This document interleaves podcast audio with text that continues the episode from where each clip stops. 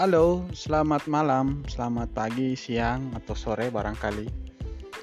Tergantung teman-teman mendengarkan ini di saat kapan. Uh, ini rekaman uh, yang saya produksi ulang. Sebenarnya sudah terbit melalui YouTube ya, uh, tapi saya uh, memproduksi ulang untuk uh, dikonvert ke uh, podcast seperti ini. Dan mungkin agak kecil suaranya karena caranya mungkin yang tidak bagus ya saat memindahkan. Sehingga kalau bisa teman-teman pakai headset. Oke uh, saya itu sebagai informasi untuk kalian semua. Ciao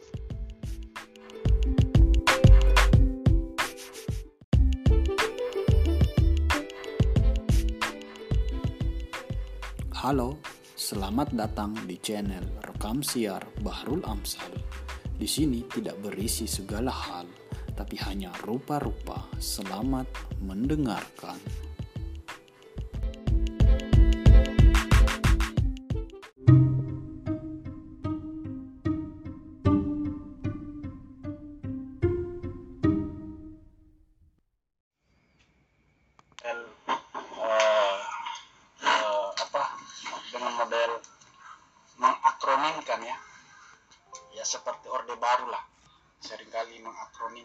Istilah-istilah sehingga membuat warganya jadi bingung kan. TNP lah GBHN lah macam-macam model-model G30 SPKI lah. Nah, itu strategi-strategi eh, apa namanya pemerintah saat itu untuk uh, apa ya mungkin bisa kita sebut mengontrol pikirannya. Tapi sebenarnya ada fungsinya yakni memudahkan daya ingat saja Nah, ESAI itu agar untuk memudahkan pikiran sampai sekarang saya belum menemukan apa itu ESAI. Makanya saya sebut gaya-gayaan saja kan. Tapi uh, poin pentingnya mungkin yang bisa saya sharing untuk teman-teman ini sebetulnya hanya menyambung dari perbincangan-perbincangan uh, uh, dari pertemuan-pertemuan sebelumnya kan ada Kasuhan ada Muhajir kemarin. Kalau Kasuhan kemarin saya kira dia uh, telah banyak mengeksplorasi ya bentuk dari esai itu apa ya. Bahwa esai itu uh, suatu pendekatan menulis yang uh, lentur ya. Bentuknya lentur dalam arti uh, dia bisa bisa ditarik ke model-model yang lain. Dia bisa menjadi suatu karya fiksi nah, maksudnya menggunakan pendekatan fiksi atau ke sisi sudut yang lain menjadi tulisan non fiksi model non fiksi model penulisannya artinya dia lentur. Kalau kita membaca buku Ignaz Kleden itu kalau tidak salah Kasuan juga. Saya kira sudah menyinggungnya saat itu. Bahwa esai itu satu model penulisan yang e, bergerak di antara objektivitas dan subjektivitas.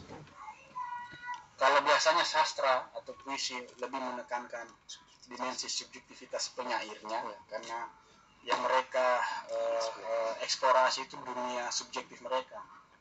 Saat mereka mengalami suatu pengalaman perasaan cinta mereka terhadap satu fenomena itu mereka ungkapkan melalui syair-syair nah, itu dimensi subjektivitas uh, kalau objektivitas ya seperti pekerjaan para ilmuwan kan para saintis tidak bisa uh, menulis lewat uh, ukuran hmm. subjektivitas karena kebenarannya itu ya apa yang ada hmm. sebagai suatu fakta harus objektif hmm. nah esai itu di dua itu jadi eh, dia eh, bergerak di antara dimensi pengalaman personal tapi tidak terputus dengan pengalaman objektif gitu. Kopi ini ini secara objektif bisa kita rasakan bersama-sama. Anda mungkin akan menyebut ini kopi yang memiliki rasa cappuccino kan tapi bagaimanakah cappuccino bagi lidah kalian kan beda-beda nah itu itu artinya setiap apa yang kita alami secara objektif itu tidak bisa lepas dari dimensi subjektivitas. Itu yang sering kali akhirnya membuat pemaknaan seseorang itu berbeda-beda walaupun dia mengalami satu pengalaman yang sama gitu. Nah kalau bahasa dari Ignaz Kleben eh, esai itu mensubjektifkan pengalaman objektif sekaligus mengobjektifkan pengalaman subjektif. Nah gitu. Bisa ditangkap ya? Agak-agak pelik ini ya. Barangkali ya. Jadi mensubjektifkan apa yang objektif artinya mereka menyuarakan yang objektif itu melalui pengalaman personalnya sekaligus e, mengobjektifkan apa yang dia alami sebagai suatu pengalaman personal bisa ditangkap. Jadi ada gerak dialektis di antara itu. Itu esai jadi dia lunturnya kira-kira seperti itu. Sehingga esai itu uh, sangat uh, apa namanya ya sangat melekat sifatnya kalau kita membacanya. Jadi kalau kita membaca tulisan-tulisan esais seperti misalnya Gunawan Muhammad itu seolah-olah Gunawan Muhammad hadir di hadapan kita sedang bercerita. Jadi unsur personalnya uh, sekaligus hadir saat itu. Itu karena kita melihat melalui uh, pengalaman di mana GM menghadirkan dirinya lewat tulisannya. Sekaligus dia mengobjektifkan pengalaman subjektif. Nah itu. Jadi uh, itu satu. Kedua kalau kita mau memilah-milah ya mengeksplorasi kalau penyair atau seorang sastrawan itu kan mereka tidak terlalu mementingkan kebenaran ya. Bukan urusan mereka itu ya, mewartakan kebenaran. Yang mereka persoalkan itu seberapa jauh syair mereka itu mampu mempengaruhi dunia dunia in, in, internal seseorang. Jadi mereka lebih berkecimpung kepada bagaimana karyanya itu memberikan suatu pemaknaan nah, penghayatan. Jadi apakah satu tambah satu itu dua itu bukan urusan mereka. Tapi bagaimana dua itu kita hayati sebagai suatu pengalaman. Dia tidak mengurusi sesuaikah antara ide dan fakta. Tapi apakah itu mempengaruhi dunia mental kita kalau tulisan ilmiah yang memang mengharapkan kebenaran objektif dia tidak mempersoalkan dunia subjektif dari seseorang tapi yang dia tulis itu harus sesuai dengan fakta-fakta yang ada. Nah itu artinya dia lebih concern kepada kebenaran. Kalau sastrawan penyair itu lebih concern kepada dunia pemaknaan. Nah saya itu mengkombin pendekatan-pendekatan seperti itu nah itu kalau tidak salah inti dari eh, apa yang salah satunya yang dikemukakan oleh Kak Suhan kemarin.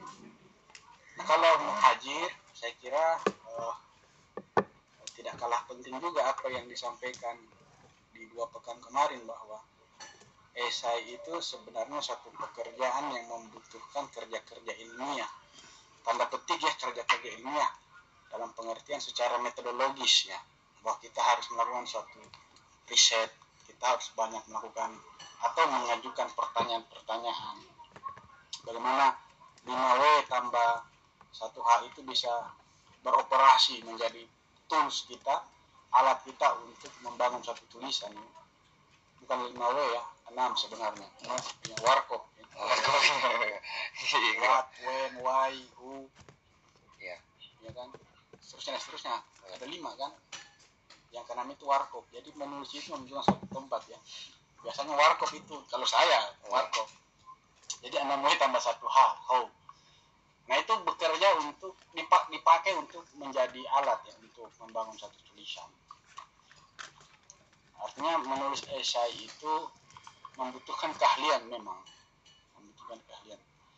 E, tidak bisa begitu saja terjadi namanya keahlian itu dibutuhkan suatu kerja keras latihan terus menerus nah, latihan inilah yang akan membentuk kebiasaan membentuk uh, apa namanya pemahaman membentuk uh, habit habitus kita habit yang baik bagi seorang penulis. Ini kan anda alat olahraga ya jadi kalau sering kita menggunakan alat olahraga ini pasti akan terbentuk otot-otot yang yang kita harapkan akan lebih atletis kan. Nah menulis juga saya kira itu. Istilahnya apa yang saya bilang sebagai otot kepenulisan. Jadi kita kan ini belum berotot secara kepenulisan ya. Belum ada otot kepenulisan kita. Karena kita masih jarang melatih diri. Untuk membentuk otot kepenulisan itu salah satunya kita harus memperbanyak membaca buku, berdiskusi, dan yang paling penting adalah latihan menulis. Nah, dengan latihan menulis itu lama kelamaan akan membangun otot kepenulisan kita. Semakin besar otot kepenulisan kita semakin baik. Sehingga kalau kita mau menulis apa saja, bebannya itu menjadi ringan. Nah, itu penting. Nah, itu kurang lebih saya kira uh, intisari dari apa yang disampaikan oleh Al Mukarrama Muhajir kemarin ya mentor kita yang gagah. nah sekarang saya hanya mau menyampaikan beberapa hal yang saya kira penting dan ini sudah sebelumnya saya tulis. Kalau anda membuka-buka catatan KLPI di eh, kala literasi ada catatan KLPI ke-28 pekan ke-28 ada poin yang saya utarakan di situ terkait bahwa kita sebagai seorang penulis mesti menghindari ancaman atau pengaruh alam bawah sadar yang sering uh, mempengaruhi kualitas tulisan kita. Jadi kita ini menulis. Kadang dalam usaha menulis itu kan usaha sadar ya karena kita menggunakan akal budi kita secara sistematis, logis dan seterusnya itu kan. Tapi kadang ada unsur-unsur bawah sadar yang tanpa kita sadar itu ternyata ikut mempengaruhi kualitas tulisan kita. Nah apa itu ada empat hal gitu ya, ada empat hal. Ya perbaiki biar saya kelihatan. Yeah. Nah empat hal ini itu kadang ini saya dapatkan dari kalau tidak salah pernah saya dengar dari Kalu ya sumbernya ya. Meskipun Kalu tidak pernah menyampaikan secara langsung tapi saya entah bagaimana pernah saya mendengarkan di suatu pembicaraan mendengarkan secara eh, tak sengaja ya menurut beliau itu ada empat hal yang mesti kita hindari yang kadang mempengaruhi kualitas kesadaran kita saat kita menulis. Yang pertama itu adalah heroisme. Jadi kalau kita menulis dalam keadaan menjadi hero, biasanya kualitas tulisan kita itu gimana ya?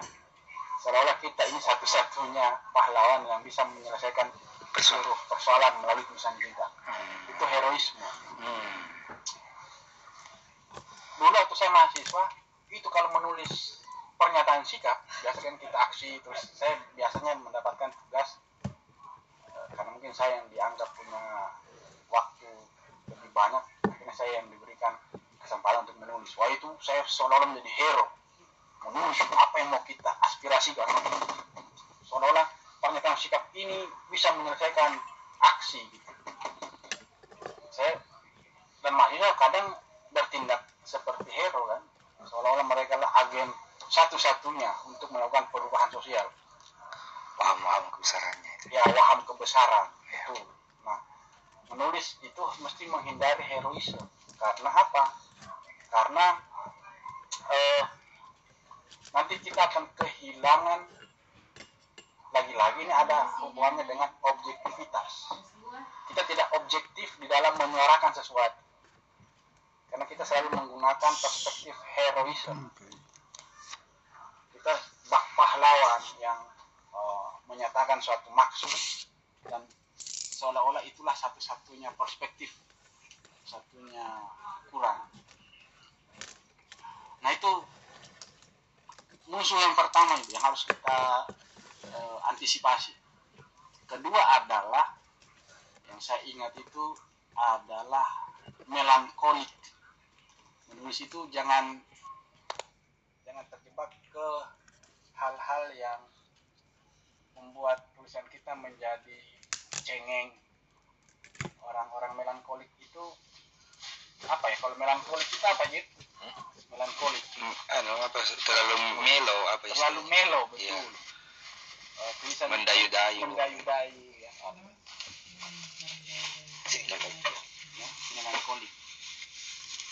Terlalu kalau dalam psikologi itu menjadi salah satu penyakit mental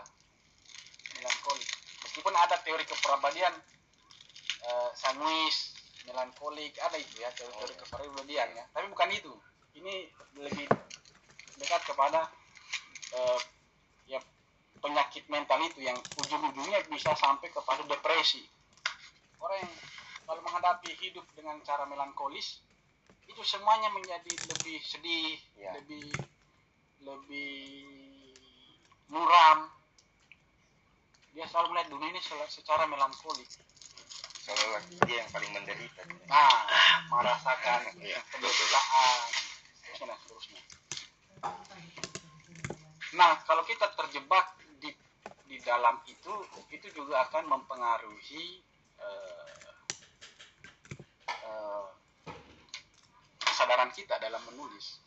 Kita tidak objektif tidak rasional tidak logis karena lebih semua ini nanti empat hal ini yang pertama tadi itu heroism kedua melankolik itu karena didorong oleh alam atau suasana kebatinan yang sedang runyam. Eh, keadaan emosional. Nah, itu yang ketiga itu. Jangan menulis di saat emosional. Karena kalau kalian menulis secara emosional itu tulisan kalian itu tidak akan ya tidak akan rapi tidak akan menjadi tulisan yang sistematis tidak mem, tidak tidak logis terusnya dan seterusnya. Itu kalau emosional. Ya sama kalau kita menghadapi suatu problem dengan cara emosi itu biasanya keadaan yang kita hadapi itu jadi semakin bermasalah kan? Tidak akan ada jalan keluar kalau kita mengambil keputusan di saat emosional. Kalau dalam agama jadi ustaz lagi. Ada ya. bahwa janganlah kau menepati janji dalam keadaan bahagia. Membuat janji maksud saya. Ada ya salah satu hadis ini. Janganlah kamu membuat janji dengan seseorang dalam keadaan bahagia. Atau mungkin dalam keadaan sedih. Karena jangan sampai itu tidak bisa anda uh, penuhi. Karena terlalu bahagia seolah-olah iya. anda sudah menjamin nih besok pasti akan saya lakukan. Padahal hanya dalam keadaan senang saja, kebetulan Anda membuat janji sehingga Anda Anda mengiyakan. Gitu. Anak-anak itu kan biasa dalam hal untuk mempengaruhi ibunya. Itu kalau dia bisa membuat bahagia ibunya. Nah, biasanya kalau dalam keadaan itu minta apa saja pasti diberikan. Ya kan? Cobalah. Ya, kalau Anda butuh duit, yeah. terus mintanya ke ibu, jangan dalam keadaan lagi punya masalah. Lihat dia dalam keadaan bahagia. Ah itu apa pun permintaannya bakal berikan nah itu karena bahagia itu kadang membuat kita lupa atas kenyataan. Iya, iya. sehingga ya orang senang ya pasti akan melakukan apa saja ya selama dia dia tidak mengalami kendala perasaan yang lainnya Indra Kens itu membeli tidak dalam keadaan susah itu. Yang afiliator itu ya. Lalu bahagia itu karena bagi dia dan itu yang membuat dia bisa membeli apa saja kan. Meskipun ujungnya ternyata penipuan juga kan. Orang senang itu kalau dia punya banyak duit beli apa saja mau dia. Yang penting bahagia. Jangan dalam keadaan susah. Jadi kalau ingin berutang cari teman yang sedang bahagia. Jangan kepepet ya. Orang susah kau datangi tidak akan mungkin memberikan kau cari di saat dia bahagia. Nah ada himbauan begitu dalam agama. Jangan membuat janji dalam keadaan-keadaan seperti itu pikirlah baik-baik karena dalam bahagia karena kita lupa diri. Nah itu eh, emosional. Yang keempat itu eh, eh, kalau tidak salah ingat romantisisme.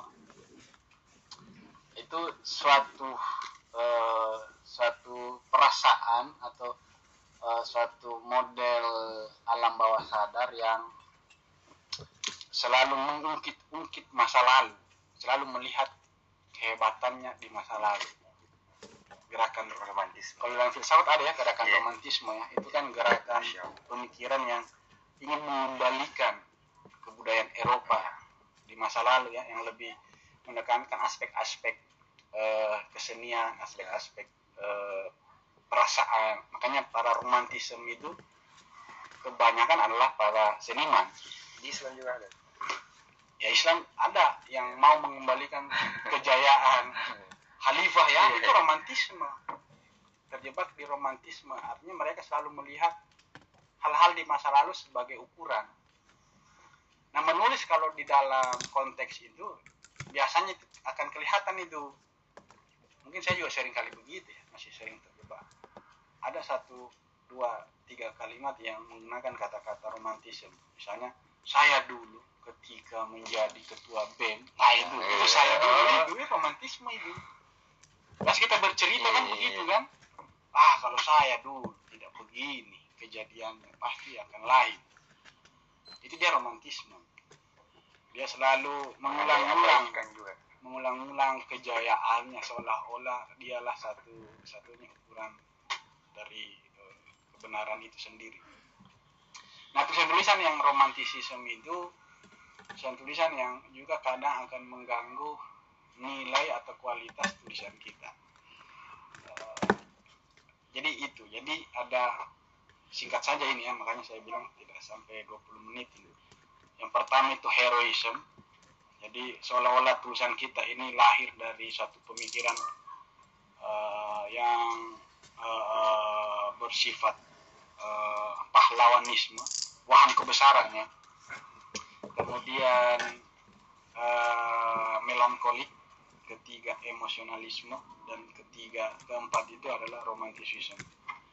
Nah ini semua ini intinya saya kira satu itu semuanya berbasis ini berbasis eh, kalau dalam teori Freudian eh, unconsciousness mind alam bawah sadar tidak rasional semua itu nanti.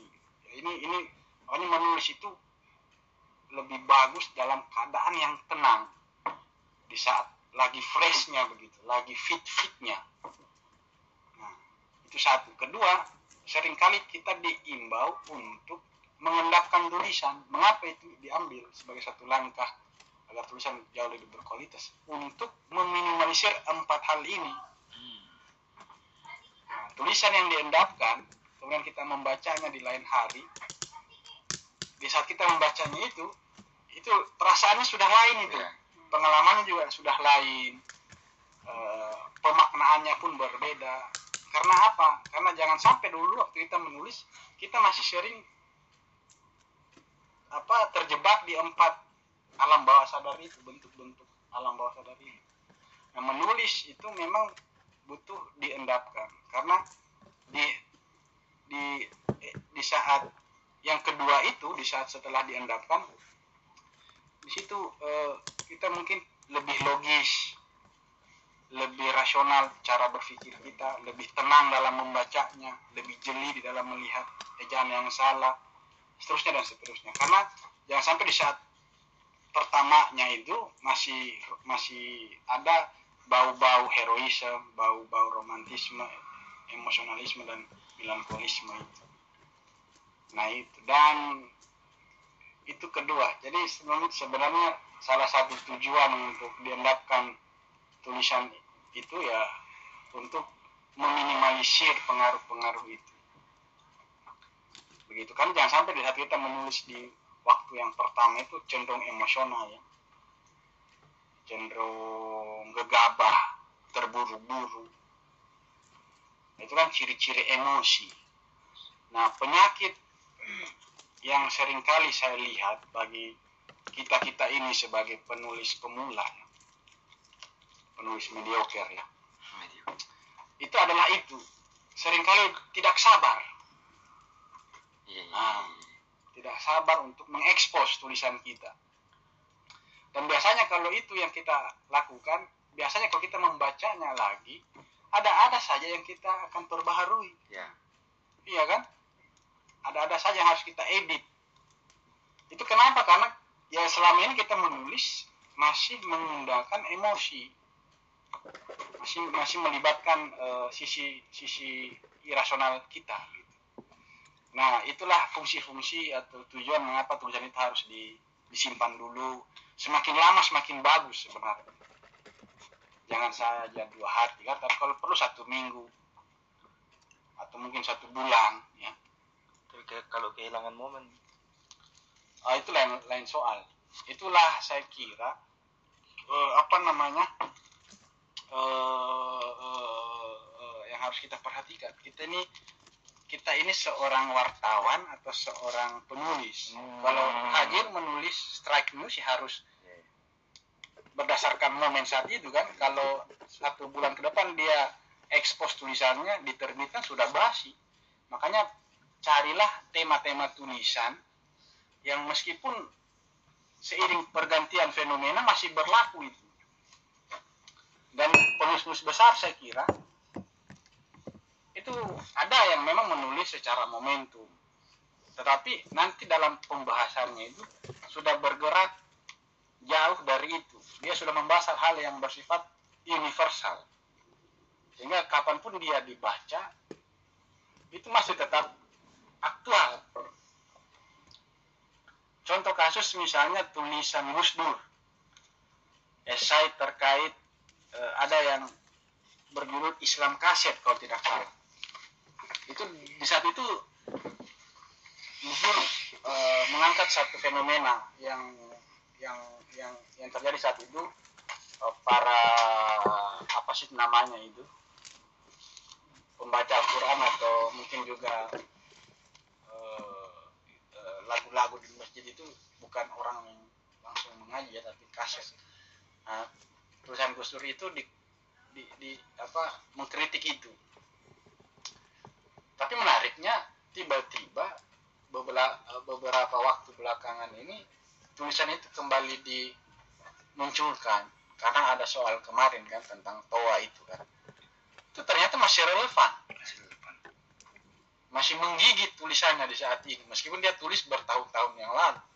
Itu kenapa? Karena tema-tema yang diangkat oleh Gus Dur misalnya itu tema-tema yang sifatnya universal. Problem-problem yang bersifat eh, umum ya tetapi masih relevan untuk kita bahas. Nah, kecuali kalau model eh, tulisan berbentuk kayak misalnya strike news itu tadi di koran-koran itu tidak mungkin kan anda membaca koran satu minggu lalu untuk mengejar kebaruan. Tidak ada kebaruan di dalam koran. Karena itu berita-berita yang sangat eh, khusus sangat spesifik sangat partikular sangat terbatas. Saya kira menulis esai itu kelebihannya kita bisa bisa menyoal hal-hal yang di luar dari itu. Sehingga kapan pun kita baca itu masih bisa berlaku di suatu waktu nanti. Carilah tema-tema yang kira-kira kalau saya tulis ini 10 tahun ke depan 20 tahun ke depan kira-kira masih dibaca nggak ya itu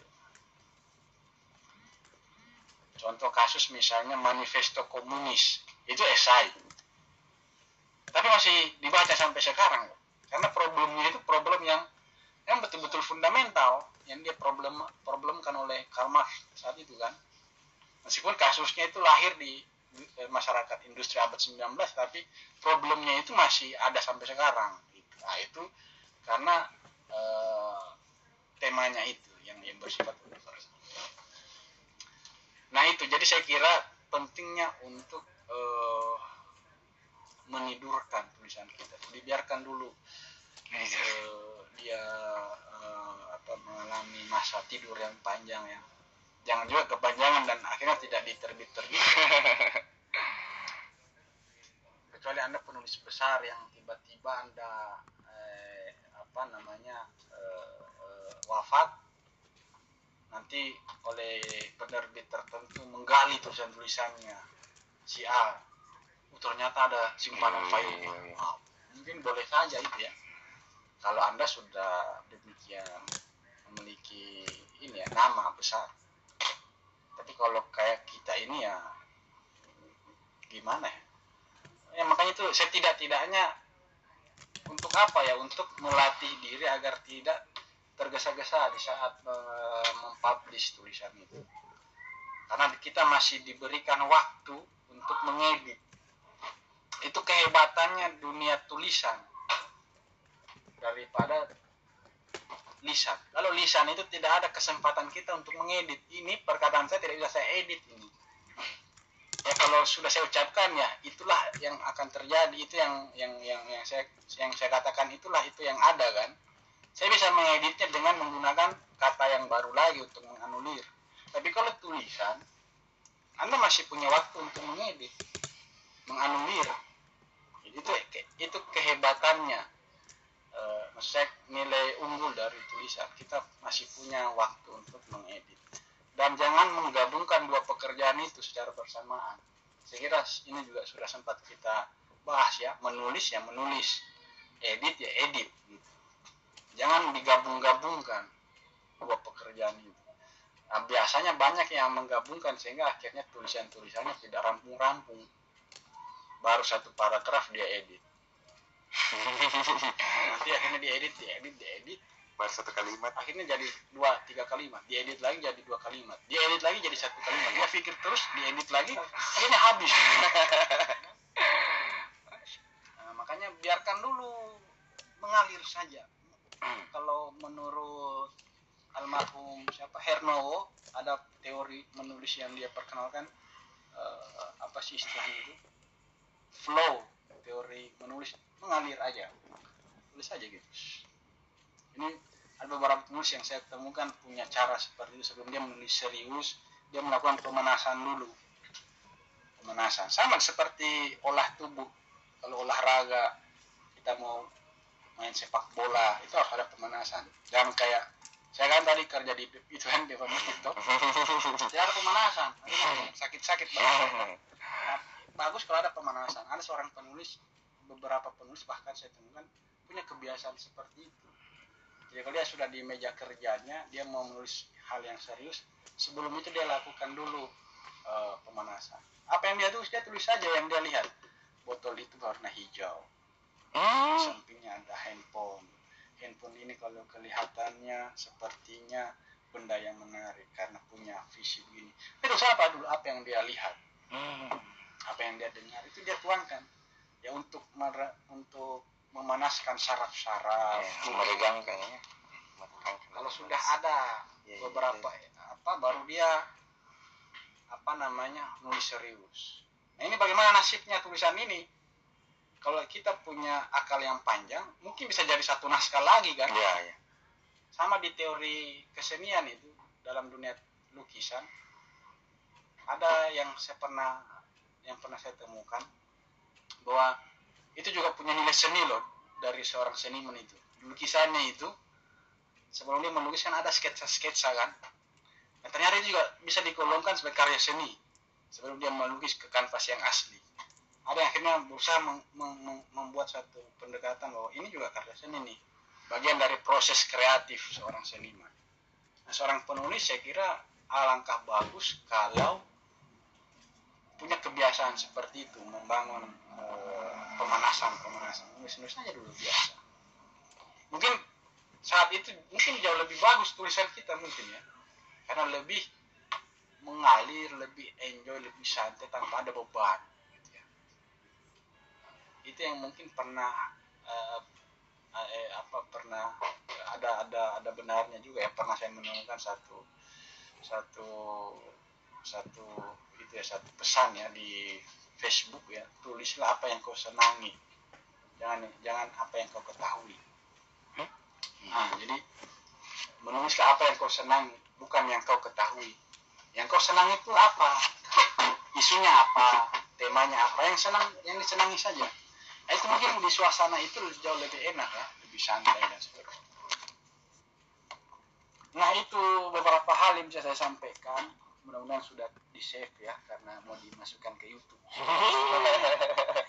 makanya ini ini ada temen YouTube nakalak Iya, dong i- i- ini penting karena besok-besok ya, ada yang membutuhkan satu pengertian atau tambahan ya bisa di bisa, bisa di itu juga yang harusnya kita lakukan pengarsipan. Saya beberapa hari yang lalu eh, banyak menonton YouTube-nya di mana situ ada Muhyiddin. Dia bercerita tentang eh, pengarsipan. Nah ternyata kata Muhyiddin di edisi itu bahwa penulis itu juga seorang pengarsip. Karena dia akan mengarsipkan tulisan-tulisannya di di laptopnya biasanya kan saya dan betul karena saya melakukan itu. Saya itu ini bukannya sombong ya. Mungkin sedikit sih. Itu punya folder-folder per tahun. Semenjak 2000 berapa ya yang saya bisa abadi? 2009 jadi tulisan 2009 satu folder 2010 satu folder. Sampai sekarang sampai 2022 nah setiap folder itu saya berikan nama-nama. Misalnya tahun kemarin itu saya namakan folder itu menjadi eh, apa kemarin nih kalau tahun ini amigdala. Saya kata saya kasih konsep itu amigdala. Kalau tahun tahun sebelumnya itu ada ada eh, ada ada yang namanya arsitektur ada namanya eh, apa namanya? Ya saya kasih tema-tema. Ya maunya saya. Tahun ini saya kasih nama folder amigdala. Kenapa amigdala? Karena mungkin saya lebih banyak belakangan ini membaca buku-buku eh, sains ya terutama neuroscience. Jadi entah mengapa itu kata yang saya pakai amigdala.